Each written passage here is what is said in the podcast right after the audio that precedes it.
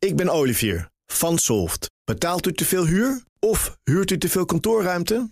Solft heeft de oplossing. Van werkplekadvies, huuronderhandeling tot de verbouwing. Wij ontzorgen u. Kijk voor al onze diensten op soft.nl. De column van Paul Lasseur.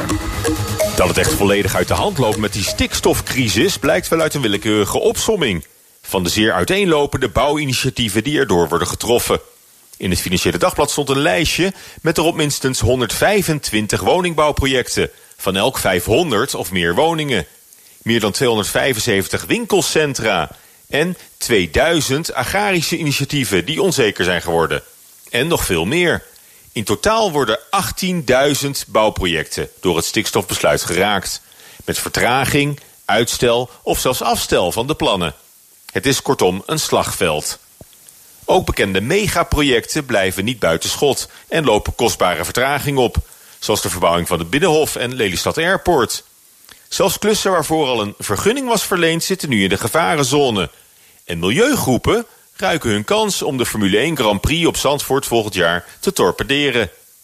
En wat doet de verantwoordelijke minister Schouten van Landbouw en Natuur? Zij komt vandaag met een rekentool die de stikstofuitstoot van een project vooraf kan meten. De uitvoering van kleine projecten die volgens dat model niet of nauwelijks stikstof uitstoten, zou dan alsnog kunnen worden hervat. Zo simpel kan het dus zijn. Maar als de oplossing zo verbluffend eenvoudig is, gewoon een nieuwe rekentool, waarom dan nu pas? En is dat geloofwaardig?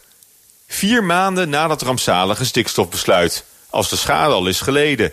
Of in landbouwtermen, als het kalf verdronken is, de put dempen. Hoe zijn we in dit moeras verzeild geraakt? En waarom ook alweer?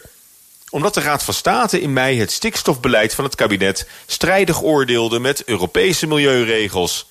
Niet toereikend om de uitstoot van stikstof door bouwprojecten of veehouderijen in de buurt van natuurgebieden te beheersen. Het belang van milieu en klimaat woog op dat moment kennelijk zwaarder dan het belang van economische ontwikkeling en bedrijvigheid. Op zichzelf niet eens een onredelijke afweging om grenzen aan de groei te stellen. Maar het was natuurlijk ongehoord om de bouwondernemingen hiermee zo te overvallen en een hele sector maandenlang aan de ketting te leggen. Ondernemers moesten maar even pas op de plaats maken. MKB Nederland dreigt nu met juridische stappen tegen de staat om de schade te verhalen. En het werd een keer tijd, na vier maanden.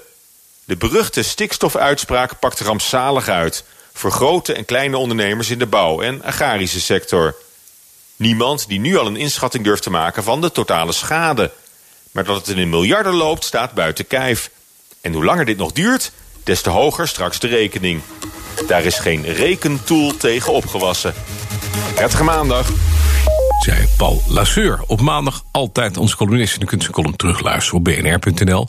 Zo hebben we ook een prachtig mooie BNR-app op uw smartphone. Kunt u in elke uh, store downloaden voor niks. En dan kunt u alles op terugluisteren. Ook al onze mooie podcasts. Ik ben Olivier van Solft. Betaalt u te veel huur of huurt u te veel kantoorruimte?